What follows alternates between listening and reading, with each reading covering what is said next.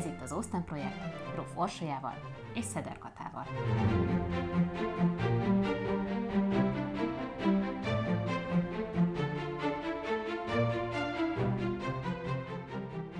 Jane Austen bő 200 éve a világirodalom egyik megkerülhetetlen alkotója. Összesen hat befejezett regény maradt ránk halála után, de még ezzel a szerény irodalmi hagyatékkal is az egyik legkedveltebb inspirációs forrása az irodalmi és filmes adaptációknak. Látszólag semmi másról nem szólnak könyvei, mint a férvadászatról, holott művei messze túlmutatnak a romantikus katuján, amelybe előszeretettel belegyömöszölik őket. Éppen ezért úgy döntöttünk, utána járunk a titoknak és megnézzük, mitől is olyan izgalmas és aktuális az Austen univerzum, még ma is.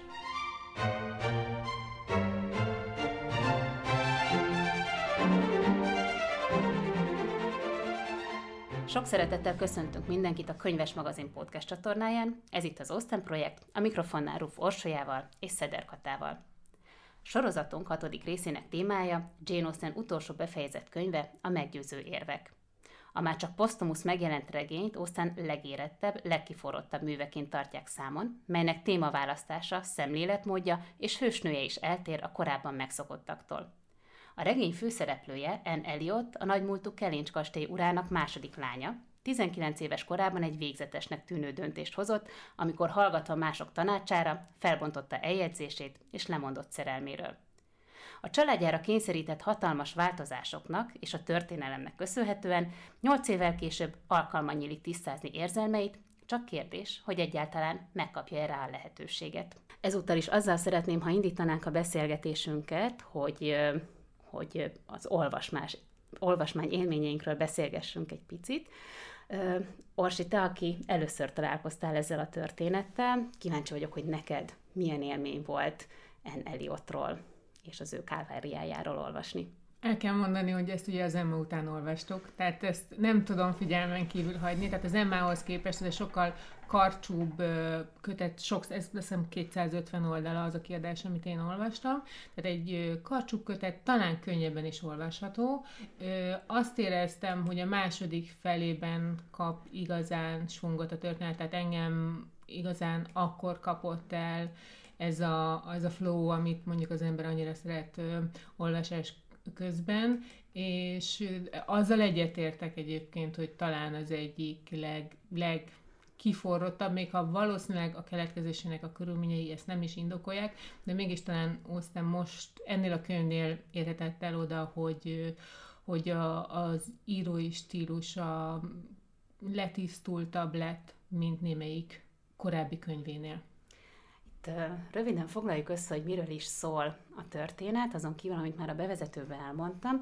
Ugye a, a család, akiről szó van, az Eliot család, egy nagyon-nagyon rangos és, és nagymúltú familiáról van szó, és ennek a második lánya en az, aki hát nem is rögtön az elején lesz pozícionálva, hogy ő itt a főszereplő, hanem, hanem azért mondjuk nagyjából a harmadik fejezetig el kell jutnunk, hogy, hogy ő a fókuszba kerüljön, és és hát a történet az onnan indul, hogy, hogy itt ez a család, ahol, ahol elég nagy lábon él a, a család fő, és, és hát nem igazán viseli gondját annak a vagyonnak, ami, amit ő megörökölt. Éppen ezért egy eléggé fontos döntést kell hozniuk azzal kapcsolatban, hogy ne legyen egy anyagi bukásuk pár éven belül, úgyhogy úgy döntenek, hogy a, a birtokot az bérbe adják, de azért, hogy a család presztízsen ne essen olyan nagyon-nagyon látványos Makula úgy döntenek, hogy ők pedig Bázba költöznek, és ott bérelnek ki egy házat, viszont En pedig itt fog maradni még egy darabig, és, és besegít a hugánál, illetve a barátnőjével tölti az időt, csak később csatlakozik majd hozzájuk. Tegyük hozzá, hogy ezt nem azért teszi En, mert neki ehhez van kedve, hanem azért, mert az apja és a nővére semmibe veszik. Tehát nem ez egy nagyon fontos Igen, pont és ennek ennek. többször, mm. többször is hangot, a szó szerint is, ez ugye dialógusban is elhangzik, hogy hát úgy sincs nagyon szükség.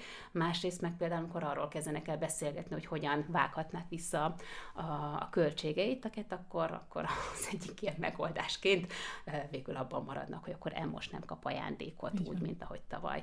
És hát a bonyodalom az igazából onnan indul el, amikor kiderül, hogy ki is lesz a bérlője ennek a, ennek a Kelincs kastélynak, ugyanis egy Croft admirális érkezik ide a feleségével, akinek a lánykori neve, hát az nagyon ismerősen cseng itt a környéken, és hát kiderül, vagy hát itt bontakozik ki en szerelmi drámája, ugyanis kiderül, hogy hát neki nyolc évvel korábban valaki megkérte a kezét, és óriási volt a szerelem, viszont mivel a, a fiatal ember, aki a tengerészetnél szolgált, akkor éppen még nem tűnt túl jó partinak, ezért a család barátja, Lady Russell, illetve hát a, a, az édesapja is nagyon ellenezte ezt a Frigyet, úgyhogy En úgy döntött, hogy inkább elengedi a fiút, és lesz, ami lesz. És hát természetesen szembesül azokkal a, a, az érzelmekkel, amik, amik azóta sem nyugodtak benne, csak most aztán új erőre kapnak, és hát ahogy lenni szokott, ahogy lenni szokott, megérkezik Mansfield kapitány, és hát minden minden, minden újra élet benne. Azt tudni kell, hogy az úriember viszont nagyon megsértődött emiatt a, emiatt a döntés miatt, úgyhogy eh, természetesen semmibe veszi ilyent, mindenkinek udvarol, akinek udvarolni lehet, csak, eh, csak Endre, még csak rá se néz, és, eh, és hát ez a sértettség az, ami aztán szépen elkezd felolvadni, és, és igazából, igazából elér oda, ahol, ahol mondhatni nyolc éve ők befejezték a közös történetüket, úgyhogy természetesen... Ez egy romantikus bosszú történet. Hát ez egy romantikus bosszú történet, igen, és hát egy nagyon-nagyon romantikus könyvről van szó. Szerintem ennyi érzelem, talán az értelem és érzelemben volt Merien részéről, mint, mint amennyit itt megfordul ezen a 250 oldalon, de, de hát ehhez képest viszont ugye nagyon érdekes a, az a keletkezés történet, ami, ami ezt a könyvet övezi. 1815 augusztusában kezdte el írni Austen, és, és a források szerint nagyjából 12 hónap alatt a végére is írt. Ugye akkor az azt jelenti nagyjából, hogy a kézirat az összeállt 16-ra, és hát ugye megjelent 17. december 20-án, viszont Austen meghalt 1817. július 18-án, ami azt jelenti, hogy ő már nem vehette a kezébe ezt a könyvet. Tehát, hogy azt nagyon nehéz megállapítani utólag, hogy neki az utolsó hónapjaiban mennyi ideje vagy ereje lehetett arra, hogy ezt a szöveget formálgassa, és szerintem erről fogunk még beszélni, hogy ez vajon meglátszik-e magán, szerintem látsz, látszhat valahol. Tehát ez, persze, tehát ez utólag értelmezzük a szöveget mindig, de én érzem azt, hogy itt azért vannak olyan pontok, amit lehet, hogy még, még rétegzettebben meg lehetett volna jeleníteni, de aztán ki tudja, hogy ez, ezzel élt volna. De ugye ez volt az a könyv az egyik, ami, ami már csak a halála után jelenhetett meg. Ráadásul, amikor ez a könyv született, ugye itt 15-ben kezdte uh, írni, ez, uh, ez Anglia történelmében is egy ilyen nagyon-nagyon fontos fordulópont, és hát ez is, meg hát sok minden más, és az magának az Ósztán családnak is az életét jelentősen alakítgatta. Itt több családi tragédia és vesztesség uh, volt ebben, a, ebben az időszakban, és hát ekkor jelentkeztek Austen betegségének első tünetei is, amik, amik egyre inkább nehezítették az ő mindennapi életét, mozgását, egyáltalán az, hogy, hogy fel tudjon ülni, írni tudjon, a levelei is megfogyatkoztak, tehát ahhoz képest, hogy ő mennyire intenzíven ö, részt vett azért a társaság életébe, hát itt egy, egy jelentős visszaesés figyelhető meg, és hát ehhez képest nagyon-nagyon szép, hogy viszont mondhatni egy ilyen, egy ilyen, egy ilyen ajándékkal, egy ilyen érzelmi ajándékkal ö, zárja ő a, az életművét, aminek a különlegessége már csak az is, hogy hát a hősnőnk az egy 27 éves leányzó, aki már azért bőven túl van a, az első virágzásán, erre a könyvbe többször is uh, kitérnek, és, uh, és hát ő pont abban az életkorban van, amivel mondjuk a büszkeség és balit életben uh, szegény Charlotte Lukaszt már-már leírtuk, tehát hogy ez a 27 év az, ahol, ahol vagy most, vagy soha, és, és innentől kezdve az ember eltemetheti magát, mint Vink kisasszony. Úgyhogy, úgyhogy ebből a szempontból is ez egy ilyen érdekes, mondhatni elégtétel mind magának is, illetve hát akár a nővérének, vagy a környezetében lévő barátnőknek, akiknek szintén nem adatott meg ez a, ez a második esély, hogy ők, ők aztán végül boldog szerelemben éljék az életüket. Sőt, ha már említed itt az életkort, itt rögtön a regény elején, nálam a tizedik oldalon van egy ilyen mondat, azt hiszem, amikor Elizabethről, a nővéréről beszél, aki talán két évvel idősebb, és akkor írja Osztán, hogy megesik néha, hogy egy nő 29 évesen szebb, mint volt 10 évvel azelőtt. Ami azt gondolom, hogy egyébként, amikor arról beszéltünk korábban is, hogy néha mennyire modernnek hat Osztán, ez pont egy ilyen kijelentés. Tehát, hogyha a kor megfelelő szemléletmódot nézzük, akkor ezek a lányok már vénlánynak számítottak. Többször elhangzik, hogy hogy En már nem az a viruló rózsa, aki fiatal korában volt, de közben Austen szerzőként itt leteszi amellett a garast, hogy igenis egy nő 20-as évei végén is szép lehet és kívánatos, ami szerintem egy tök modern uh, megállapítás, hogyha, hogyha azt veszük, hogy igenis nincs, nem ér véget az élet 20 éves koromban újra pozícionálja a nőt, ez a, ez a regényben azért többször vissza fog majd köszönni, de ettől függetlenül ne beszéljünk azért Ószerről úgy, mint egy feminista uh-huh. szerző, hiszen azért ezek a fogalmak tőle még távol álltak, de tény és való, hogy hangot ad ugye azoknak a nőknek, illetve azoknak a sztereotípiáknak, illetve a felettük érzett hőbörgésének, amik, amik a kort azért jellemezték, és hát En Eliot, mint ahogy beszéltük igazából az összes hősnője kapcsán, hogy valami nagyon extrát, valami nagyon unortodox, unortodox megoldást hoz be a, a karakterek ábra megfestésekor, tehát itt En már a korával is egy ilyen extrém választásnak tűnik a részéről. Viszont visszatérve még magára a keletkezés történetre, itt ugye beszéltük, hogy 1815-ben kezdte el írni, és mondtam, hogy az Anglia számára egy nagyon-nagyon fontos ö, év volt, ugyanis, sőt, egész Európa számára, ugyanis ekkor értek véget a napóleoni háborúk, és...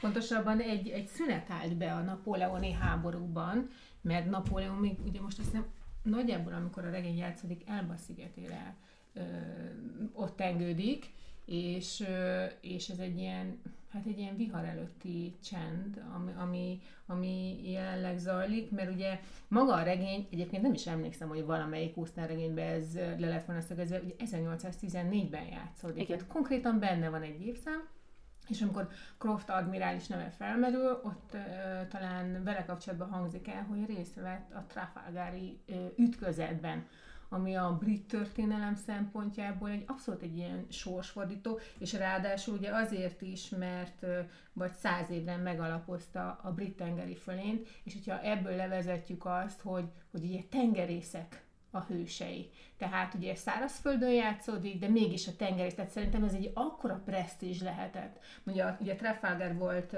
1805-ben, tehát a regény idejéhez viszonyítva ugye 9 évvel korábban, de ugye maga, maga Wentworth kapitány is valószínűleg abban az időszakban alapozta meg ezt az óriási vagyont.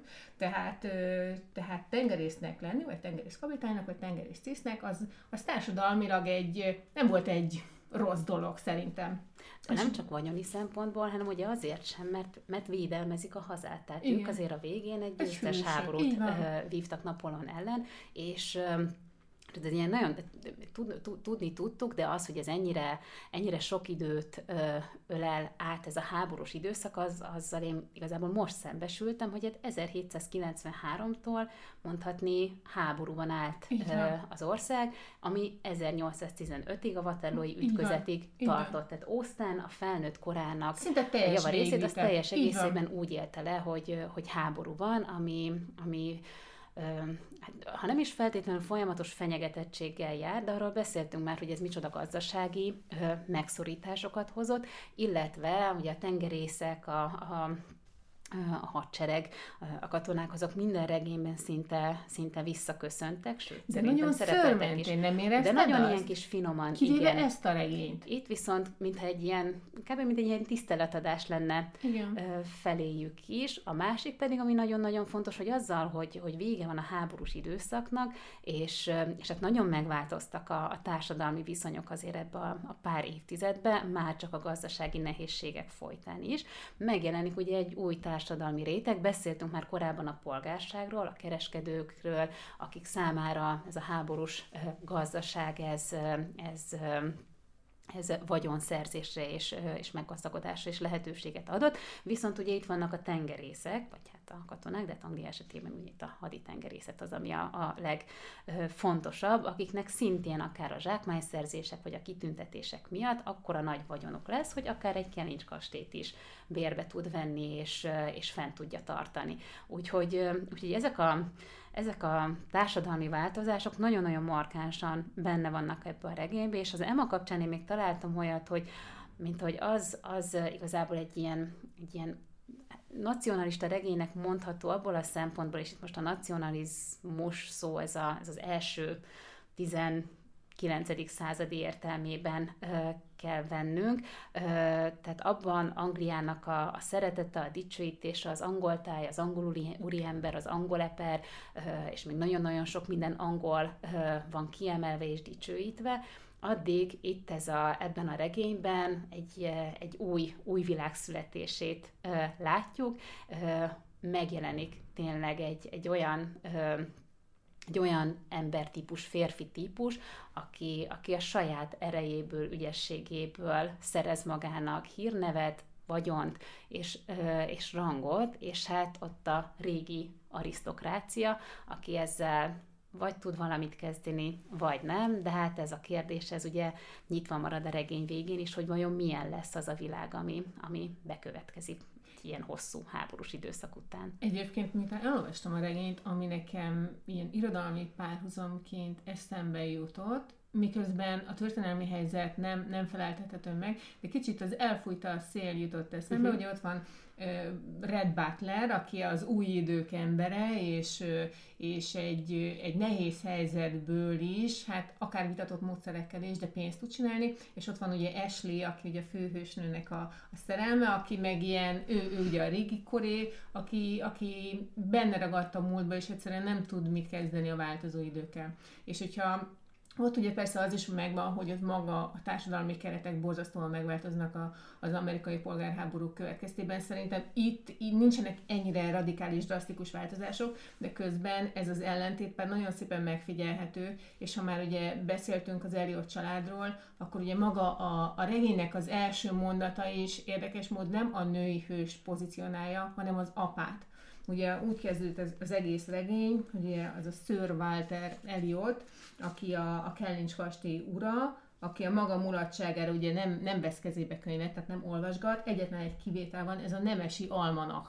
ahol saját magát szereti nézegetni, és egyébként itt rögtön az elején szerintem Austen pár adattal így, így minden, minden információt kb. így a rendelkezésünkre bocsát így a, a családdal, családdal kapcsolatban, és kiderül az is, hogy Sir, Sir Walter megveti az új nemeseket. Tehát már itt bejön ez, hogy, hogy a, a régi pénz, az arisztokrácia, a régi nemességnek az embere, egy borzalmasan hiú, korlátolt emberről van szó egyébként, akinek csak lányai születtek. Ö, és akinek az örököse, az ugye egy oldalági rokon, rokon igen. lesz. Akit uh, Mr. Elliot néven emlegetnek. Igen, igen. Uh, itt különben ez, ez egy ilyen nagyon-nagyon jellemző idézete a, a Sir Walternek, hogy uh, amikor a tengerészekről beszél, meg hát egyáltalán erről az új uh, társadalmi rétegről, ami, ami megjelenik. Két okom is van, hogy visszajogjak a pályától, két igen alapos ellenvetésem. Az első, hogy obskurus születésű egyéneket méltatlanul előkelő pozícióba juttat, olyan megbecsült helyzetbe emeli őket, melyenről apjuk, nagyapjuk nem is álmodhatott. Másodszor ez a foglalkozás ijesztően kikezdi a férfi ifjúságát és életerejét. A tengerész hamarabb öregszik, mint más férfi, ezt megfigyeltem egész életemben. Hát ez egyébként annyira szórakoztató, borzalmas, de szórakoztató és az a, az a elnagyolt figura ször, ször volt. Igen, ő az egyik szerintem, aki nincs annyira kidolgozva. Nagyon-nagyon, de ahogy eleve ahogy találkozunk már vele, és itt az első két fejezet az, az igazából róla szól, tényleg, tehát, valaki, tehát az első mondatban, amikor valakiről azt hallott, hogy semmi könyvet nem vesz a, nem vesz a kezébe, csak is a nemesi almanakot, amiben a, a legrégibb nemesi családok vannak felsorolva, és mindig ugyanott nyílik ki, mégpedig a saját családjánál, amit pedig a bejegyzést azt bőszen, hogyha kell, akkor kiegészítketi a saját kézírásával, tehát kb. mindent megkapsz erről az emberről, hogy itt van gazdag, vagyonos, roppant hiú a rangjára, és igazából semmi más nem érdekli a maga világán kívül. És hát ilyenből még, még jó párat megkapunk Sir Walter ö, kapcsán, de hát ehhez képest ugye egy ilyen nagyon-nagyon izgalmas ellenpontja lesz Walternek az új bérlő, Croft admirális, és, ö, és hát megint csak így visszakapcsolva a keletkezés történethez, ugye a, a, a napóleoni csatáknak az egyik nagy-nagy vezér figurája Angliában az Nelson admirális volt, aki szintén egy roppant alacsony származású familiából küzdötte fel magát, mondhatni a, a a társadalom élére, és, és lett belőle nemzeti hős, tehát tényleg azok a, azok a figurák, akik megjelennek itt a regényben, szintén egy, egy ilyen tiszteletadásként is behozhatok, és nagyon érdekes, ugye beszéltünk már arról, hogy a társadalmi mobilitás az ebben az időszakban mennyire nehézkes volt, és itt igazából erre is példát mutat, hogy az, amit különben el se lehetett volna képzelni, hogy, hogy valaki alacsonyabb sorból feljebb jusson, még csak házasság révén sem, hiszen, hiszen abból az esetek többségében nem született jó és nem felemelkedés, hanem inkább, ö, inkább lecsúszás lett a vége. Itt most, itt most bemutatja ennek a, ennek a lehetőségét, hogy, hogy a saját szívóságodnak és ügyességednek köszönhetően megvan a lehetőség ebben az új rendszerben, ami éppen kialakult, illetve kialakulóban van. Igen, de mondjuk az beszédes, hogy itt is a, tehát a megszerzett vagyon az, ami a mobilitást elősegíti. Ha jól emlékszem, valami 20 ezer font körüli összeget Igen. emlegetnek Wentworth kapitány kapcsán, tehát egy hatalmas vagyont szerzett, és tulajdonképpen ez az, ami igazán szerintem belépőt nyit neki, vagy, vagy egy ilyen belépőt garantál ebbe a körbe a hőstetei mellett. És ugye a az Eliott családnál pedig ott tudatában van a családfő, hogy milyen rossz anyagi, most hát nem is rossz, tehát inkább romló anyagi körülmények között vannak, és hiába ö, kéri azt az intézője, vagy a könyvelője, vagy bárki, akinek ennek a pozíciónak megfelel, hogy, hogy vegye vissza a kiadásokat, egyszerűen képtelen rám, mert ugye ő azt vallja, hogy maga a rang olyan kötelezettségekkel jár, aminek, tehát hogy nem teheti meg azt, hogy visszanyesse, tehát valami egészen ugye nevetséges ö, ö, költségeket tudna csak, vagy költségekről tudna lemondani, de magáról az életvitelről az szóba se, szóba se kerül. Tehát valószínűleg az ő, az ő végső romlását ez okozná, hogy ha csak nem halálozik el idő előtt, hogy elherdálja a meglévő vagyont is. És aztán végképp nem hagy más, csak egy üres címet és mondjuk egy roskadozó kastélyt. Én nagyon szeretném, hogyha mielőtt rátérnénk, ahogy szoktunk a hősnőnek a, a figurájára, kicsit még maradnánk ezen a, ezen a férfi kép vonalon, mert dacára annak, hogy, hogy a férfi lélekbe azért nem enged úgy betekintés, mint hogy akár megengedte Darcy esetében, vagy a Knightley-nál is néha engedte azt a fókuszváltást az Emma könyvben, hogy, hogy az ő lelkében is ott legyünk. Ugye itt ez, ez kimondottan en gondolatai világ, az, ő, az ő világ, és mondhatni, a olvasóként az ő bizalmaséval vagyunk, bizalmasai vagyunk, tehát mindaz, amit, amit senkinek nem mondhat el, és senkivel nem oszthat meg, azokat mi viszont olvashatjuk, és ettől aztán egy, szerintem egy ilyen bensőséges viszony is kialakul vele, másrészt pedig és ezt nagyon szépen építi a könyv, és talán ezért is mondják, hogy egy remek műről van szó Oszner részéről. Tehát olyan, tehát azokat az izgalmakat és azokat a lelki állapotokat, amiket En megél a viszontlátás kezdődően, azokon nagyon-nagyon szépen végigvezet minket Austen, olyannyira, hogy én, én például szerintem negyedjére olvastam most ezt a regényt, és még ugyanúgy izgulok, és ugyanúgy nem tudom letenni, miközben tisztában vagyok azzal, hogy mi fog történni a következő fejezetekben, de annyira szépen fenntartja ezt a belső feszültséget, hogy hogy, hogy hát ez, ez, ez, ez szerintem több más azóta ért könyvet olvasva, és ilyen bravúros és, és, és, és működőképes. De, de szeretném, hogyha beszélném még egy picit ezekről a férfi képekről, vagy hát férfi hősökről, akik megjelennék, és hát az egyik az például Mansworth kapitány, akiről, mint ahogy említetted, Croft admirálisnál Trafalgárt, hogy ez egy mennyire fontos esemény volt az ő életében, illetve mennyire jól pozícionálja őt, mint, mint, mint, mint hősies, bátor férfi. Itt Wentworth kapitányról, amikor először úgy igazán hallunk en visszaemlékezéséből, akkor kiemeli azt, hogy ő a San Domingói ütközetben 1806-ban ö, szerzett ö, érdemeket, és hát igazából ez lódította meg a karrierjét, és megint egy olyan ö, kis apró részletre bukkanunk ezzel, ami akkor, amikor ez a könyv megjelent, és bárki olvasta, tökéletesen tisztában volt azzal, hogy ez a San Domingo ez mit jelent. Ez is egy ilyen dupla fenekű kis utalás, ugyanis Austen családja is kötődik ehhez a helyhez, ez a Dominikai Köztársaságnak fővárosa különben. Tehát itt már régóta ö, állomásoztak brit hajók, Kasszandrának, Austen nővérének a szerelme 1790-es évek elején itt halt meg egy ütközetben, ö, itt szolgált, és ugyanezen az ütközeten részt vett Austennek az egyik testvére, Frank, illetve hát volt egy másik testvére, Charles, aki szintén a, a királyi haditengerészetnél ö, szolgált, és ö, mert itt a napóleoni idők alatt több több ütközet is volt, azért, azért ne feledkezzünk meg arról, hogy voltak hajózsákmányolások, kalóztámadások, visszaverése, esetleg kalózkodások, tehát hogy nem minden vagyon és nem minden ütközet volt természetesen azért, mert hogy valami jó ügyet szolgálunk. San Domingo viszont egyértelműen az volt, ugye ez az időszak az, amikor Haiti elnyeri a függetlenségét, és mint egy ilyen első feketék lakta független állam létrejön, viszont hát a, a franciák azok ármánykodnak ott továbbra is, és hát meglehetősen kegyetlen módon bánnak az ott élőkkel, hogyha, hogyha éppen sikerül felülkerekedniük. Úgyhogy, úgyhogy itt San Domingóban, amit, amit a britek segítségével sikerül a franciáktól mentesíteni, tehát ebbe az ütközetbe szerez érdemeket magának Mansworth kapitány, és az egyértelműen egy ilyen függetlenségi háború volt, ami, ami egy másik nép szabadságát szolgálta, és ugye itt a Mansfieldi kastély kapcsán már beszélgettünk arról, hogy a, hogy a rabszolgaság kérdése, illetve a rabszolga rabszolga kereskedelem intézménye az, az mennyire kezd megkérdőjeleződni, vagy legalábbis vitatottá válni. Hát ugye ebbe az időbe születik meg az első olyan törvény, hogy, hogy ezt tiltják is. Tehát Mansworth kapitány, mint egy ilyen erős, harcias,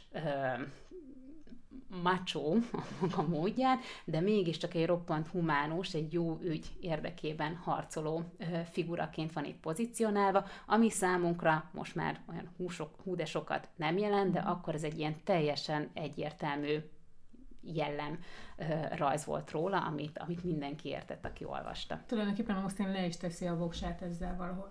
Igen, pedig Venzősz kapitány nem biztos, hogy olyan sokat olvas, mint mondjuk más férfi szereplők ebbe a könyvbe, de, de, de igen, ezzel, a, ezzel, a, ezzel az érdemével már is nyert ugye van. És ugye van egy ellenpontja, akiről nem egyértelmű, hogy ő egy ellenpont, mert amikor ugye megjelenik, ugye ez, a, ez az örökös, Ugye szerintem a legelső ö, könyvnél beszéltünk, hogy ez egész hitbizomány, meg, meg hogy hogy örökölnek, meg hogy nem, és ugye férfi örökös, vagy fiú örökös ilyen, ugye itt a, a legközelebbi oldalági férfi rokon lesz az, aki örököl mindent, a, és ugye ez a Mr. Elliot néven emlegetett fiatalember, akivel eléggé ilyen, hát bukkanókkal kezdődik a kapcsolat, mert hiába hívják, hiába akar megismerkedni vele a család, ugye ezt rendre elutasítja, és ugye visszatér a plegyka, hogy hogy nem is tudom, csúfondárosan vagy megvetően beszélt a, a családról, amit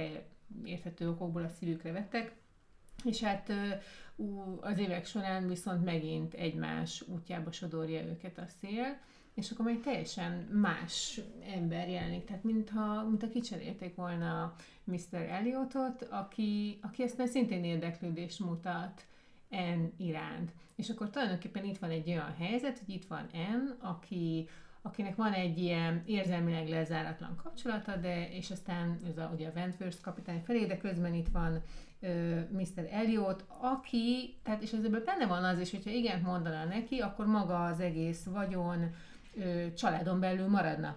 Tehát nem kellene, nem kellene mondjuk kiköltözni, és de nem érzem egyébként, hogy ez olyan óriási nagy dilemmaként jelenne meg a regényben. Tehát én, én nem tudom, hogy erre kíváncsi vagyok, hogy te ezt hogy láttad, hogy én azért nem éreztem azt, hogy őt ez annyira nagy tépelődésre készítette volna. Egyetlen egyszer volt talán arról szó, hogy nem is az, hogy meginok, csak eljátszik a gondolattal, hogy Kevincs úrnője lesz, ami, ami tehát hogy az édesanyja örökébe léphet, és ez, ez számára egy ilyen hízelgő gondolat volt, hiszen az a családi büszkeség azért benne is benne van, csak nem társul a, a többiekre jellemző gőggel. Viszont itt van egy nagyon-nagyon szép ö, ö, idézet Entől, egyáltalán, hogy ő, ö, miként is folylekedik a, a Mr. Eliotról, és ö, itt az így szól, hogy mindennél többre becsülte az őszinte, nyílt szívű, szenvedélyes természetet. Az érzelmek ereje, a lelkesedés mindenkor rabul ejtette szívét. Sokkal inkább meg tudott bízni olyanokban, akik néha elhamarkodva vagy felületesen nyilatkoznak, mint abban, aki sohasem hagy cserben az elővigyázat, akit sohasem hagy cserben az elővigyázatossága, sohasem botlik meg a nyelve. Ezt És az N mondja Mr. Eliotról? Ezt az N gondolja, ezt az, vagy hát legalábbis igen, ezt az N, N, N gondolja az Eliotról, de el is mondja valahol, hogy, hogy, hogy nem tud vele mit kezdeni. Tehát annyira sima a modora, annyira szórakoztató, mm-hmm. annyira nem, nem fogalmaz úgy, hogy mintha állarcot viselne, de nem tudja, hogy miként vélekedik dolgokról, nem lát rajta különösebb ilyen fellángolás, szenvedés, az érdeklődés az ott van, és valószínűleg Mr. Eliotnak a, a, az érzelmei en felé, azok, azok őszinték, bár aztán ugye a regény vége felé, amikor kiderül, hogy ő itt mással is ö, kavar, akkor kérdésessé válik, hogy akkor most ő, ő, ő hogy is érez valójában, de az tény, hogy meglepi en eljegyzésének a, a híre, és... és hát még nyerekben érezte magát. Egyrészt nyerekben érezte magát, egyértelműen, másrészt meg valószínűleg nem az a fajta férfi, aki, aki hozzá van szokva az ilyen fiaskókhoz. Egyébként innen látom, hogy ugye ez a 164-165. oldal a könyvben, és akkor engedj meg, hogy ehhez hozzáfűzök egy másik uh, idézetet, ez már 212. oldalról, tehát kicsit már túl előre léptünk, és szintén en mondja, most nem értem, ez a jegyzetből olvasom, hogy, hogy Eliotról mondja, vagy gondolja, négy szó lesz. Képmutató, fondorkodó, anyagias ember. Tehát itt történt azért egy nagy, nagy léptékváltás, vagy véleményváltás, és a regényt olvasva egyébként nekem, amikor arról beszéltünk, hogy, hogy Osztának mennyire lehetett ed, ereje, ideje ezt kidolgozni, pont az jutott eszembe, hogy azért ezeken nagyon megkönnyítette a hősnője választását, mert ö, vajon ö, Anne Elliot akkor is Wentworth kapitányt választotta volna, hogyha nem 20 ezer fontnyi vagyonnal jön haza. Szerintem egyébként valószínűleg igen, őt választotta volna, de azt is gondolom, hogy ez a döntést azért nagyban megkönnyíti. Tehát ő nem egy utolsó matrózhoz megy hozzá, hanem egy vagyonos, vagyonos tiszthez, akinek a, a rangja is megfelel tulajdonképpen szinte az ő, ő társadalmi pozíciójának, és az is megkönnyítette a döntését, hogy Eliotról kiderül, hogy egy, egy, egy tulajdonképpen jellemben sokkal alatta van mondjuk a, a kapitánynak. Tehát én azt gondolom, hogy itt ezeket eléggé sarkította Austen ezeknél a kar- karaktereknél, tehát itt érzek egy ilyen fekete-fehér felfestés, és egyértelmű, hogy ki melyik. Tehát itt ennél a, ezeknél a részeknél éreztem, hogy, hogy erősen sarkítva van a sztori, és, és még lehetett volna árnyaltabban, vagy több réteggel ö, gazdagítani. Ez, amit már soha nem fogunk megtudni, hogy hogy alakult volna, de, de végig az volt az érzésem, hogy hát tulajdonképpen a hősnőjének tök megkönnyítette a, a dolgát ezzel.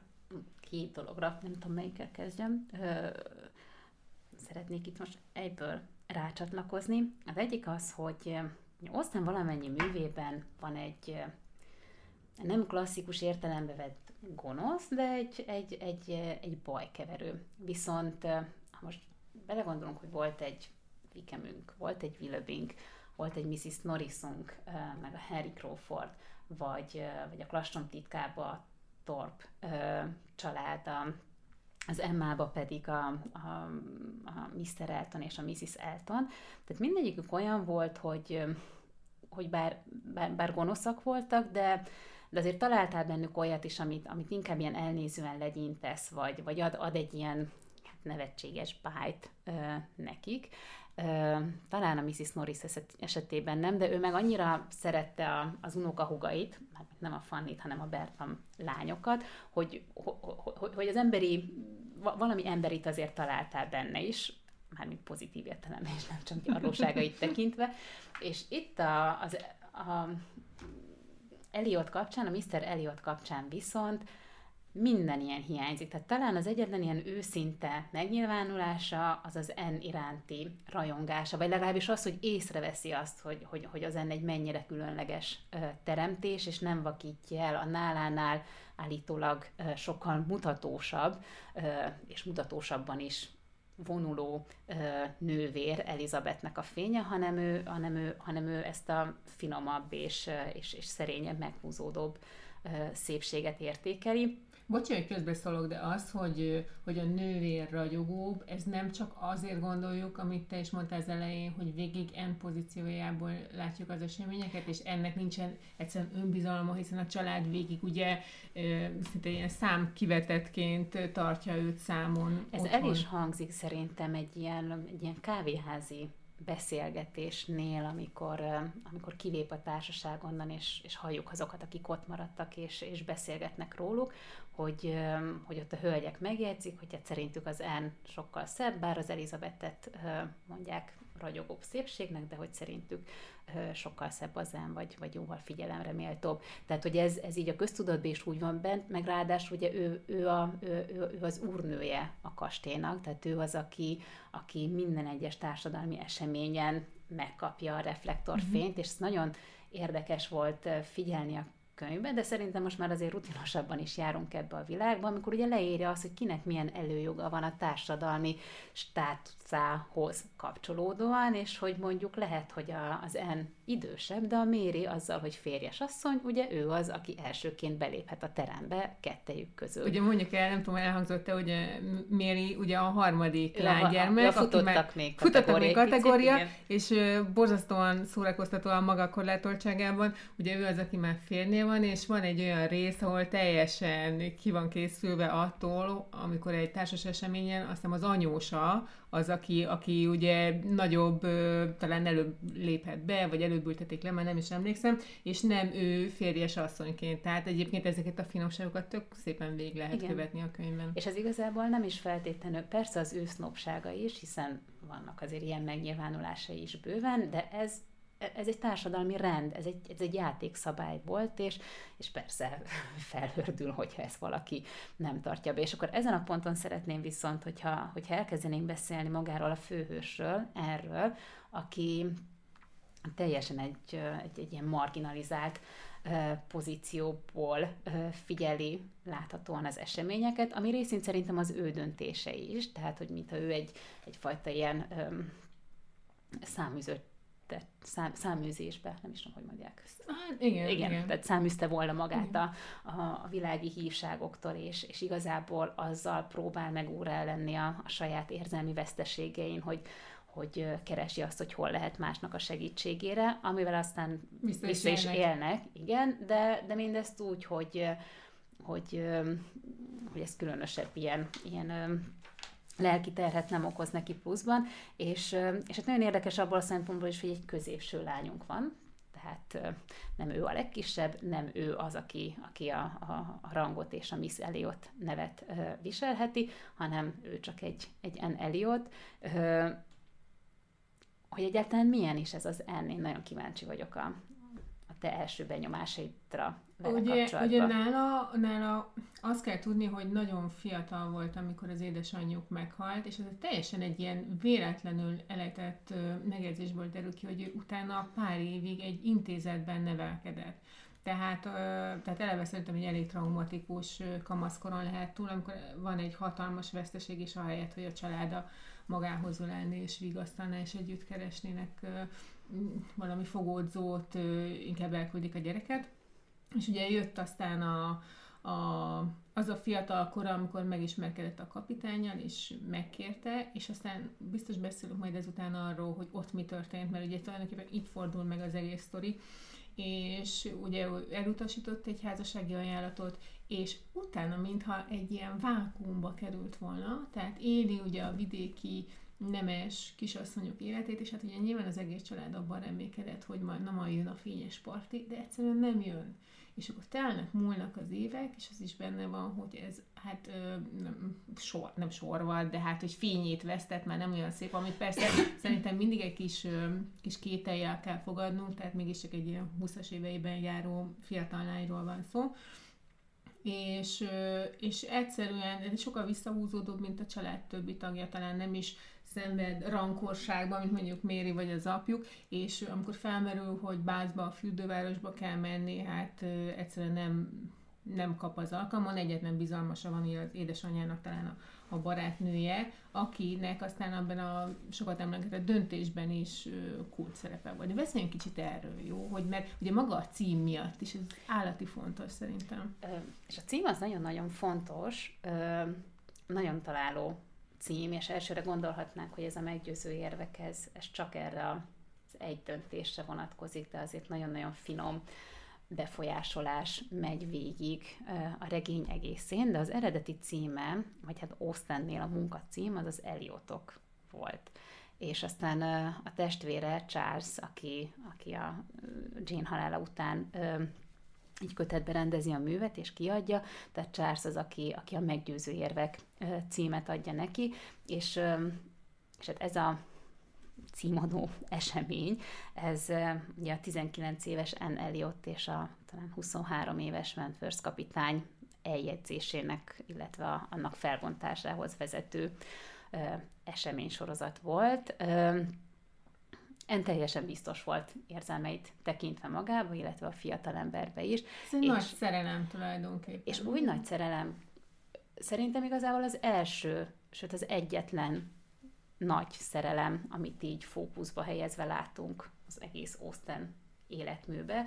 Erről majd beszéljünk egy picit később, hogy egyáltalán a többiek párkapcsolatához viszonyítva miben különleges az, ami, ami itt, itt kibontakozott, de hogy egy olyan, olyan szerelem, ami, aminél teljesen egyértelmű a kölcsönös tisztelet, a másik a másikra való odafigyelés, nincsen játszmázás, tökéletesen tisztában vannak a másiknak a, a, az értékeivel, és aztán ugye ez az, ami a döntés miatt megkérdőjeleződik Mansfors kapitányba, hiszen ő azt látja, hogy az ő ő választottja, az, az, az enged a befolyásolásnak, és, és képes lemondani róla. És nem is biztos, hogy az, az is bántja persze, hogy lemond róla, de hogy ez nem a saját döntése, hanem, hanem ő enged a nyomásnak, és, és, és ennyire meghajlik a, a, a család és a, és a legjobb barát akarata előtt. Tehát ez egy óriási nagy csalódás a Vance kapitánynak, amitől aztán annyira megsértődik, hogy, hogy nyolc évre el is tűnik a színről, és, és hát ez érdekes, ez így kiderülget azért, hogy, hogy az N amennyire tudja, követi az ő életének eseményeit, és figyeli az újságban, mikor kerül elő a neve, mint ahogy azt is megnyugodva ö, olvassa, hogy hát feleségről még nincsen szó ö, egyáltalán, úgyhogy, úgyhogy bízik abban, vagy bízik abban, hogy ismeri annyira a fér, férfit, hogy, hogy, hogy azért olyan könnyen nem engedi el ezeket, a, ezeket az érzelmi viharokat azért ő sem, és nagyon-nagyon szép, tényleg ahhoz képest, amit, amit mondjuk egy, egy Fanny Price-nál láttunk, hogy hogyan győzi meg magát teljesen evidens dolgoknak a, a valótlanságáról, hogy en valószínűleg az érettsége, vagy a másik ismerete folytán nagyon szépen dekódolja Vensworthnek a, az apró ö, gesztusait, és, és válik egyre bizonyosabbá abban, hogy, hogy a férfi még szereti. Tehát tényleg semmi játszmázás nincs, hanem egy ilyen nagyon-nagyon tiszta játékot látunk. Ezt Egyébként az elején mondtad, és én is ezt írtam fel magamnak, hogy a legromantikusabb szerintem az összes Ósztán mű és a másik pedig szerintem ennek a testvérregénye egyértelműen az értelmi és érzelem. És amit ott ugye felvetett dilemmaként, hogy, hogy mi a jó döntés, hogyan döntsünk, az itt, arra itt szerintem egyértelmű. Tehát ebben az utolsó regényben nem sokkal a halála előtt, szerintem Jane Austen, ott is már egyébként, de itt egyértelműen letette a voksát. Tehát itt, itt, itt minden, mindent, a, tehát, az ér, tehát ugye arról van szó, hogy azt mondta a család annak idején, hogy ez a fiú nem pálya mert nincsen se pénze, semmije. És egy, egy ilyen lány, egy Eliott lány nem adhatja a kezét egy senki házinak Sokkal jobbak lesznek. Így van, és jön majd még sokkal jobb ne aggódj lányom. Hát aztán nem jött, ugye? De ettől függetlenül jött is volna, vagy hogyha egymásnak jött. adják a kincs. Igazából, mert a Musgrove, ő megkérte a kezét. Igen, de tulajdonképpen nem volt egy, nem volt egy igazán alternatíva, akivel szerintem komolyan számolt volna. És, és, és aztán ugye eljött az a, az, az ominózus találkozás, ami, ami viszont szerintem ennél nagyon hamar kiderült, hogy itt csak ő van, és senki más és ezt szerintem nagyon szépen végviszi Austen ebben a regényben, és, és biztos, hogy szerintem az ő személyisége is nagyon jól kidomborodik ebből a végkifejletből. Egyébként szeretném, ha majd beszélnünk kicsit pont a végkifejletről, mert ez annyira jellemző Austenre. És talán, talán a büszkeségnél beszéltünk erről, nem? Hogy, hogy itt is ugye az van, hogy, hogy végig beszélnek mindent, minden félreértés tisztázva van, és akkor rájönnek, és egy séta alkalmával, hiszen hol máshol beszélnék meg az igazán sorsdöntő dolgokat, mint ahogy minden osztályregényben, és, és aztán arra várná, hogy akkor most jön valami nagyon, nagyon kidolgozott párbeszéd vagy bármi, nem, for, nem fogja magát, és egy másfél-két oldalban leírá, leírja, hogy egyébként ezt és ezt megegyeztek ebben, és elhatározták, hogy akkor innen, innen, innentől kezdve folytatják az életüket. És az jutott eszembe, mint hogyha ha Ósztán sokkal jobban érdekelné a happy endhez vezető út, mint maga a happy end. Tehát kicsit azt így, így oké, okay, túl vagyunk minden nehézséget, és akkor így lezavarja, hogy oké, okay, rendben, akkor, akkor elérkeztünk ide is. Nem volt ilyen érzésed? Én azon gondolkodtam különben, hogy tehát ebben a hat regényben, amit, amit így készen kaptunk tőle, tehát ebben, ebben igazából hasonló karaktereket mozgat, csak mindig, eh, mindig, mindig az élet más területére helyezi őket, és, és kicsit más tulajdonságát erősíti eh, fel, vagy, vagy tényleg az, hogy más-más eh, társadalmi helyzetbe pakolja bele őket, és nagyon-nagyon kíváncsi, és, és kicsit úgy érzem, hogy itt most így körbejártunk a, a hajadonlányokkal kapcsolatos lehetőségeket, és, és az az érzés van bennem, hogyha ő ezt az életművet tovább vihette volna, akkor, akkor lehet, hogy, hogy egyszer csak elkezd mondjuk azokkal is foglalkozni, hogy mi van akkor, amikor, amikor összeházasodunk, és, és onnantól mi történik. És különben vannak is ilyen ö, regénykezdemények, amik, amiknek aztán utólag megírták a folytatását, de hát az már nem, nem, nem az, az már nem egyértelműen Austen, tehát hogy, hogy őt foglalkoztatták, az is, hogy mondjuk egy őzvegyasszony mit kezd magával, vagy hogyan biztosítja nem csak maga számára, hanem a lánya számára, aki történetesen szintén egy eladósorba került hajadon ö, a boldogulást, tehát ő, ő ilyen témákkal is elkezdett foglalkozni, de, de hát itt most, itt most ez a kör zárult be, hogy, hogy hajadonként milyen lehetőségeid és választásaid vannak. És a másik, amit mondta itt a testvéregény kapcsán, neked az értelem és érzelemmel ö, rokonítható a leginkább, és hát abból a szempontból biztosan, hogy, hogy tényleg amilyen gazdag érzelemvilág bontakozik itt ki e részéről, az ugye a Merienével hozható párhuzamba, meg hát mondjuk a versek szeretete, vagy ahogy ő a természetet járja, és milyen képek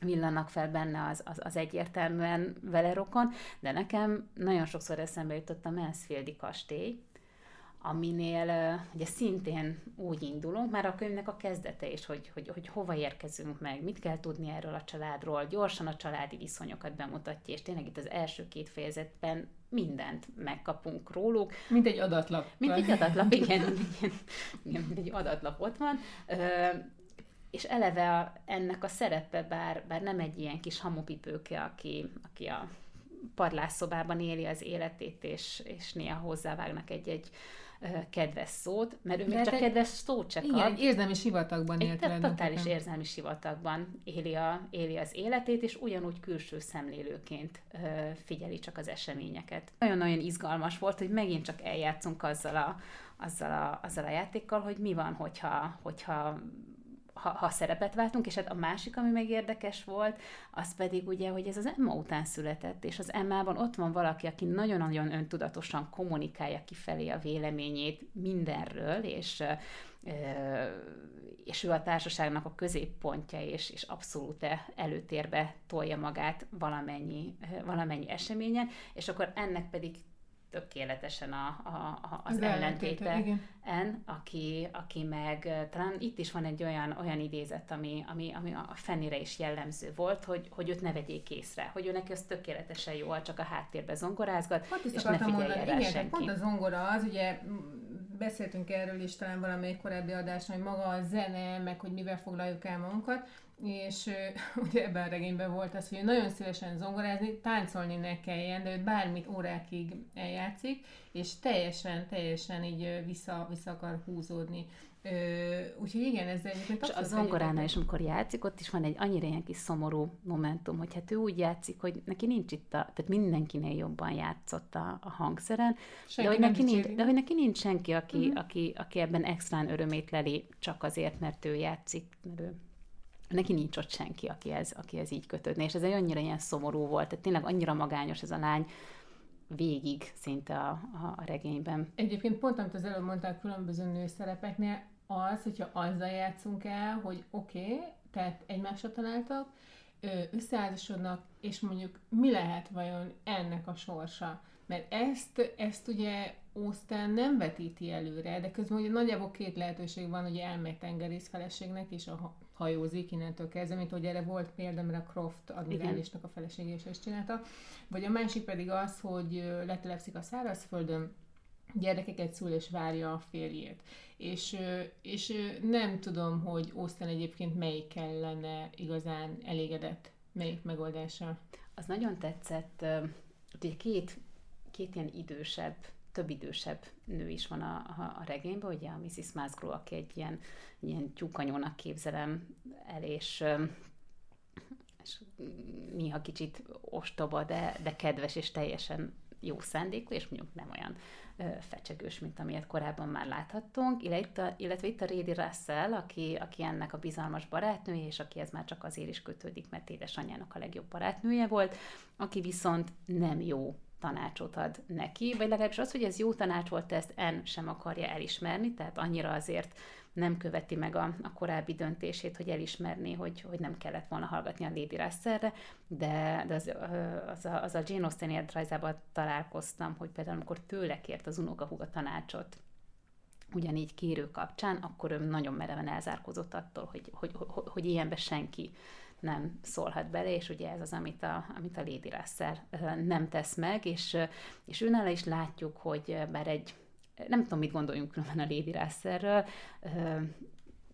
szimpatikus-e, vagy, vagy inkább nem, talán inkább szimpatikus, de hogy azért egy nagyon korlátolt gondolkodású nőszeméről van szó. Aki nem azért, mert privilegizált helyzetben van? Mert privilegizált helyzetben, igen, és hát ugyanúgy, mint ahogy a, a Sir Walter, tehát ő is ennek a régi rendnek a, a képviselője a régi elvárásokkal, és mint ahogy ugye először kifogásokat támaszt Vensors kapitányal szembe, hogy, hogy hát, mikor nem is arról van szó, hogy egy senki, de, de, de, de talán azt rója fel neki, hogy túlságosan ilyen ilyen lázadó típus, hogy ilyen hirtelen vérmérsékletű, és egy 19 éves N. Eliot többet is ki tud hozni a, a házasság szerzés piacán. Ö, utána, amikor 21 évesen egy Charles Musgrove jelentkezik, akkor már úgy van, hogy jó, de 21 éves Eneliott az ugye nem ugyanaz, mint a 19 mhm. éves, és akkor áldásomat is tudom erre adni. És ugye ez a Charles Musgrove lesz az, aki, aki entől ugyan kosarat kap, de hát a család közelében marad, ugyanis elveszi Mérit, a legfiatalabb lányt, de hát ez látszik, hogy akárhányszor náluk van, igazából ott mondhatni ha csak idő, rövid idő intervallumokra is, de ő tölti be mondhatni a, a családfőnek a szerepét, már mint enn az, aki mindenkinek a bizalmasa, mindenkor tudja, hogy, hogy, hogy hogyan és miként kellene ö, tenni-venni, és ö, és hát mint férfi az jutott még eszembe, vagy a férfiak kapcsán itt a regény esetében, hogy, hogy bár beszélünk arról, hogy en elbizonytalanodott-e volna a Mr. Elliot esetében, hogyha megkéri őt, és mondjuk nincs Mansworth kapitány a színen, de én nekem különben az a véleményem, hogy ő nem akart volna férhez menni. Tehát, hogy az annyira... Elliothoz.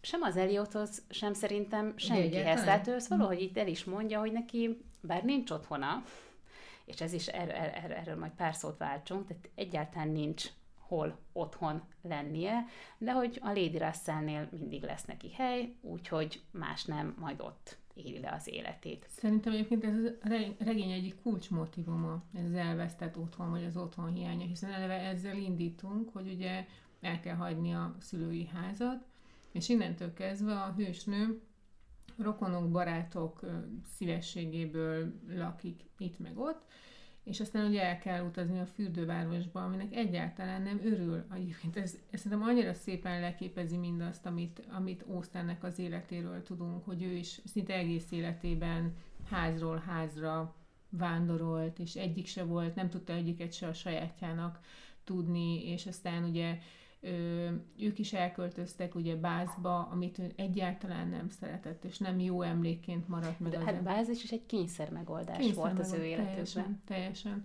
És, és ugyanez volt szerintem az Enneliotnál is, hogy egyszerűen nincs otthona.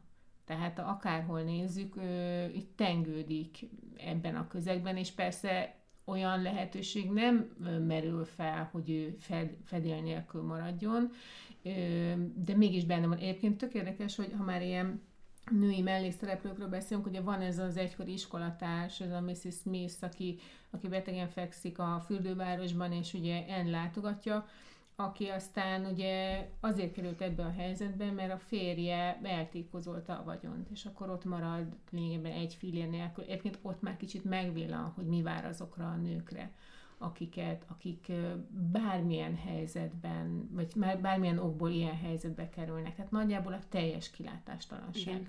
Tehát ugye neki van valahol ugye külföldön valami vagyona, vagy valami ingatlan, vagy valami ilyesmi. Egy, egy ültetvény valószínűleg. Igen, igen, igen, tehát azt kellene pénzét tenni, de ugye ő maga nem, nem képes rá, mert ugye beteg. Sőt, nem, nem, nem is az, hogy nem képes rá, tehát ő nem intézkedhet. Tehát ehhez uh-huh. egy mhm. férfi kell, uh-huh. hogy, hogy azt a különben neki járó örökséget a férje halála után ö, meg tudja szerezni, ahhoz kellene egy férfi, aki, aki kezébe veszi az ügyet és elintézi. De mint mondja, neki pénze sincs arra, hogy mondjuk egy ügyvédet vagy bárkit erre, erre felfogadjon, és, és egy teljes kilátástalan, teljesen kilátástalannak tűnik az ő helyzete, amit valóban, ha így belegondolunk, hogy ő honnan indult, és, és micsoda fényűző életet élt majd. Került hát a, a teljesen másik végére a, ennek, a, ennek, a, ennek a skálának, az, az nagyon-nagyon nyomasztó, és, és hát valószínűleg nem példa nélküli, mint ahogy ezek a korábbi könyvekben is így visszaköszöntek, de soha, tehát hallottunk ilyen történeteket, vagy ha belegondolunk, hogy mondjuk a, a büszkeségbe mi lesz Lídiának és Vikemnek a, a, a sorsa, és, és hol fognak ők megállni a lejtőn, elképzelhetetlen, de ezek mindig csak így felmerültek, uh-huh. mint lehetőség. Vagy hogy hallunk egy, egy, egy, egy egy megszökött feleségről, mint az Emmánál, az Emmánál az értelem és érzelemnél.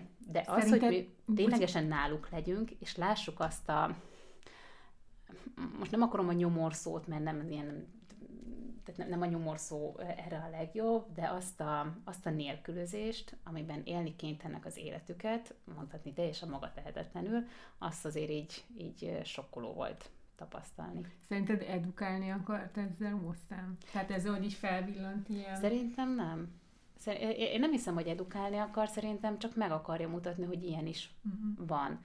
Tehát én, én tök úgy érzem, hogy, hogy tőle azért az, hogy így ennyire direkte ossza az észt, az nagyon-nagyon távol áll, és ugye mindig olyan jól elbújik a, a narrátor hangja mögé, hogy amit a narrátortól hallunk, sem mondhatjuk egyértelműen az ő véleményének, vagy, vagy igen, meglátásainak, mert ahol ugye az az edukáció felmerült, az, az mondjuk a, a Mansfieldi kastély volt, de igazából abba is ott a fricska, és rá is kontráz a, a következő regényével. De itt se érzem ezt. Szerintem, mint hogy szereti a lehető legszélesebbre, a lehetőségeihez képes szélesre nyitni ezt a, ezt a képet, megmutatja ezt a szint is. Egyébként a Mrs. Smith karakter szerintem azért fontos, mert pont rajta keresztül mutatja meg Austen a két férfi hősnek a, a jellemét. Ugye azért került Mr. Smith nehéz anyagi helyzetbe, mert nem is emlékszem, megfogadta a Mr. Elliot tanácsait, ez volt valami közös biznisz, ha jól emlékszem. De mire, mondd el, hogy mire emlékszem, mert hát nekem nem maradt meg annyira... Az, hogy ők nagyon-nagyon jó barátok voltak a kezdetektől fogva, meg egyetemi költségekbe verték magukat? Hát úgy, úgy költségekbe, hogy, hogy a, a Mr. Smith az mindig kezességet vállalt az mm. Eliotért, az Eliot meg nem, és igazából az annyi, tehát, tehát érzem meg nagyon felfokozott állapotban mesél ezeket a történeteket, és, és abból azért vissza kell venni Osztani picit, kettővel. Igen, osztani kettővel, és szerintem ezt még az N is, is, is megteszi, de hogy igazából amit, amit felhánytorgat az Eliotnak, az az, hogy, hogy nem hajlandó neki segíteni mondjuk itt a pénz visszaszerzésébe. Tehát, hogy teljes mértékben hátat fordított nekik akkor, amikor bekövetkezett ez a lecsúszás, és nem hajlandó megtenni ezt a ha nem is pici gesztus, hogy segítsen legalább, ami, ami, ami menthető, azt megmenteni, és itt jön elő az ő, gonoszsága igazából, mert, mert az, hogy most fiatalon tékozló életet él, ugyanazt az életet, amit a férje is élt, tehát az azért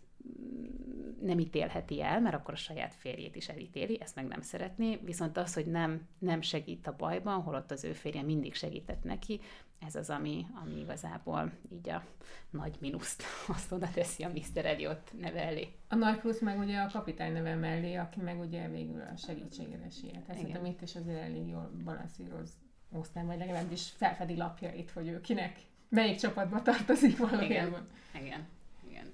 De másik, amiről szeretném, ha még itt beszélnénk, itt a, a vége felé a, az adásnak, azok a, azok a párkapcsolatok, illetve, mint ahogy beszéltünk arról, hogy ennek az egésznek a,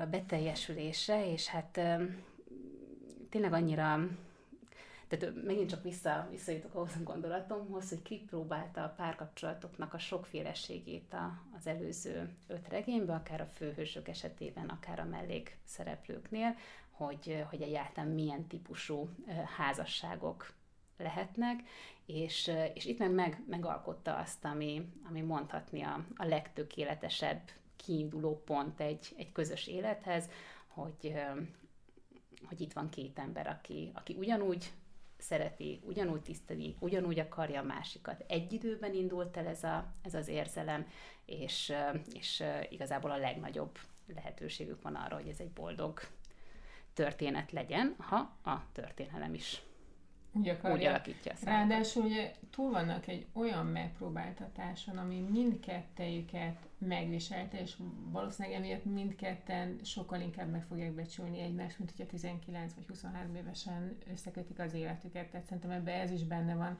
És, és egyébként a könyvben megjelenő párkapcsolatokban is nagyon sokféle van, mert ugye ott van azt hiszem a Croft admirálisek házasság, ami tök-tök működőképes, és egy egyenrangú felek között kötetett házasság, de ott van mondjuk Mary és Charles házassága, hát ami ott azért van, érzed az elmozdulást, hogy mondjuk akár itt szellemileg is nem feltétlenül tartja partnerének a férje a feleséget, és, és ugye kell, tehát ő azért kezeli ezeket a érzelmi kitöréseket. Hisztiket. Igen, ezt, ezt, ezt akartam, nem, nem tudtam, hogy túl vagy sem, de igen, tehát itt azért, azért sok, sok felmerül, és egyébként akiről még nem beszéltünk, és szintén női mellékszereplő, és ő is ő, sajnálom, hogy nem kapott nagyobb hangot. Ugye ez a Mrs. Clay nevű barátnő, aki Elizabeth Elliotnak a, a barátnője, de hát így nagyjából a regény közepénél felmerül az, hogy ő egy aranyásó, vagy legalábbis valaki, aki be akarja hálózni Mr.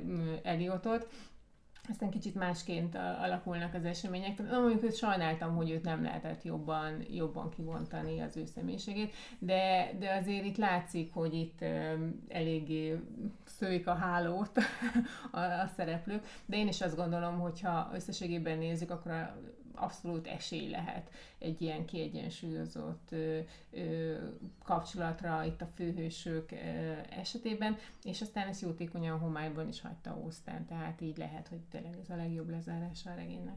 Igen, itt ugye a regénynél ez biztos más könyvnél is volt, így hát a Lastok Titkánál beszéltünk arról, hogy mennyire rövid időt ölel át ö, maga az, amivel, amivel eseményként találkozunk a könyvben.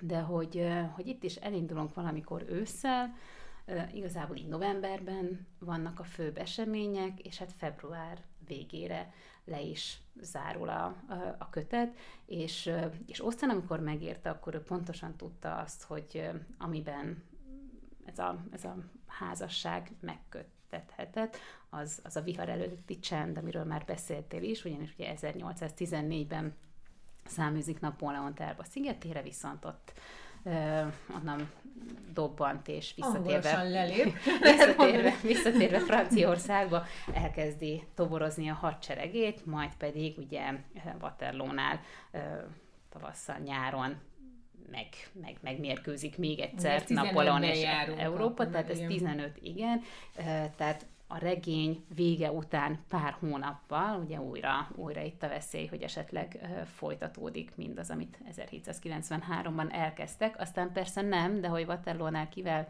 mi történik, és mennyire kell kivenni a részét ebben a, ebben a meccsben, az ugye, az ugye kérdéses. De, de hát ez is annyira szép igazából benne, hogy, hogy miközben zajlik a nagy-nagy történelem, kicsit rámutat arra, hogy hát ennek a nagy-nagy történelemkönyvekből ismert eseménysorozatnak, illetve hát nem csak ennek az összes többinek mennyire sok ilyen emberi és személyes lenyomata is van, és hát nagyon érdekes volt ez a könyv abból a szempontból, és akkor szeretném, hogyha, hogyha hogy elkezdenék így a lezárásként arról beszélni, hogy, hogy, hogy nekünk miről is szólt ez a, a regény, azon kívül, hogy egy egyértelműen romantikus műről van szó, de az nagyon-nagyon szembeötlő volt, hogy mennyi veszteség van a, a könyvben, vagy mennyi baleset, tehát az, hogy, hogy mennyire törékeny a, a boldogság, a, az egészséged, egyáltalán az emberi élet, az itt, az itt megmutatkozik egyértelműen. Tehát kezdve azzal, hogy onnan indulunk, hogy ennek az édesanyja meghal, akkor, amikor ő még csak ilyen 12-14 év körüli leányzó, majd ugye elmennek a katonák, történik mindenkivel, ami történik, a Mászgó családnál tudjuk, hogy ott volt egy semmire kellő fiú, de amióta meghalt, azóta hősként tisztelik, és soha ennyire nem szerették, mint életébe, de ott egy haláleset. Vagy amikor mondjuk az egyik mászló gyerek eltöri a kulcscsontját. Az szintén olyan, ami így tehát az egy nagyon-nagyon fontos szerepet kap a, a regénybe, és megint csak arról van szó, hogy hát lehetett volna nagyobb baj is, vagy ugye van a, a nagy esetben a lányban, ami, ami egy ilyen nagyon vidám pillanat egyik percre a másikra tragédiá vá, változik, és, és hál' Istennek nem történik belőle nagyobb gond, de, de tény és való, hogy, hogy ott azért a legrosszabb is bekövetkezhetett volna. És akkor szépen így tovább akár a, a Mr. Smithnek a halála, vagy a Mrs. Clay és egy özvegyasszony, a Mr. Elliot elvesztette a feleségét, tehát hogy mindaz, ami, ami még a korábbi regényekben, ahol 19-20 éves hősneink vannak, még annyira nem nem éri el őket, azok itt azért 8-10 évvel később már elég vaskosan benne vannak a, a, a mindennapjaikban. Amit valamelyik forrásban olvastam, és nagyon tetszett, pont még így a napóleoni háborúkra reflektálva, hogy Austen a, a politikaiból csinált személyest. Ez angolul tök jól hangzik, political to personal. és, és tényleg ezek az apró, tehát egy direktben ő soha nem ír a történelmről, és talán tényleg ez, ez, a, ez az a regény, ahol a leg, legexplicitebben megjelenik maga, maga a történelem, meg a, a, az saját korszakának a, a jelen idejűsége beszivárok, de mégis, mégis inkább a személyes tettekben, véleményekben, sorsokban domborodik ki, hogy ez milyen következményekkel jár, és szerintem ez tök szépen, tök szépen megjelenik ö, végig a cselekményben. Különben ajánlanád ezt a könyvet első könyvnek, ezt néha meg szoktuk Egyébként a, akár ezen gondolkoztam, és remélem, hogy még erről majd fogunk beszélni, hogy hogyha mondjuk valaki azzal azon gondolkozik, hogy mi legyen, mi legyen a leges-legelső osztám, akkor, akkor lehet, hogy egyébként mondjuk ugye a háromban benne lenne, uh-huh. mert egyébként könnyű olvasni, csak azért nem ajánlanám, mert olyan jó végigmenni pont ezeken a stációkon, amit te is mondtál, hogy mondjuk egy fiatalabb nézőpontot hogyan bont ki, és hogyan jutunk el a legvégére egy érett nőnek a, a, a szempontjaig, vagy a nézőpontjaig, tehát lehet, hogy ezért nem raknám rögtön az elejére, de amúgy meg, meg, meg nagyon szépen végigvezet egy csomó mindenen, ami, ami Ósztennek a sajátja, úgyhogy mondjuk, hogy azt mondom, hogy az első háromba betenném.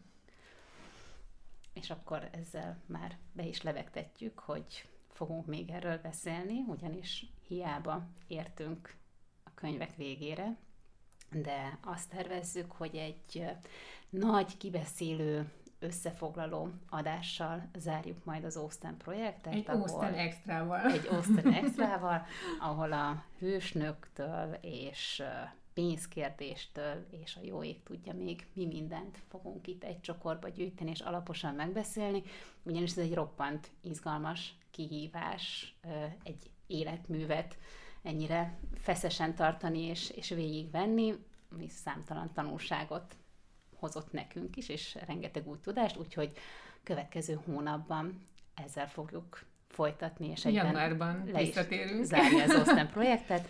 Most pedig köszönjük szépen a figyelmet, és hamarosan találkozunk megint. Köszönjük szépen!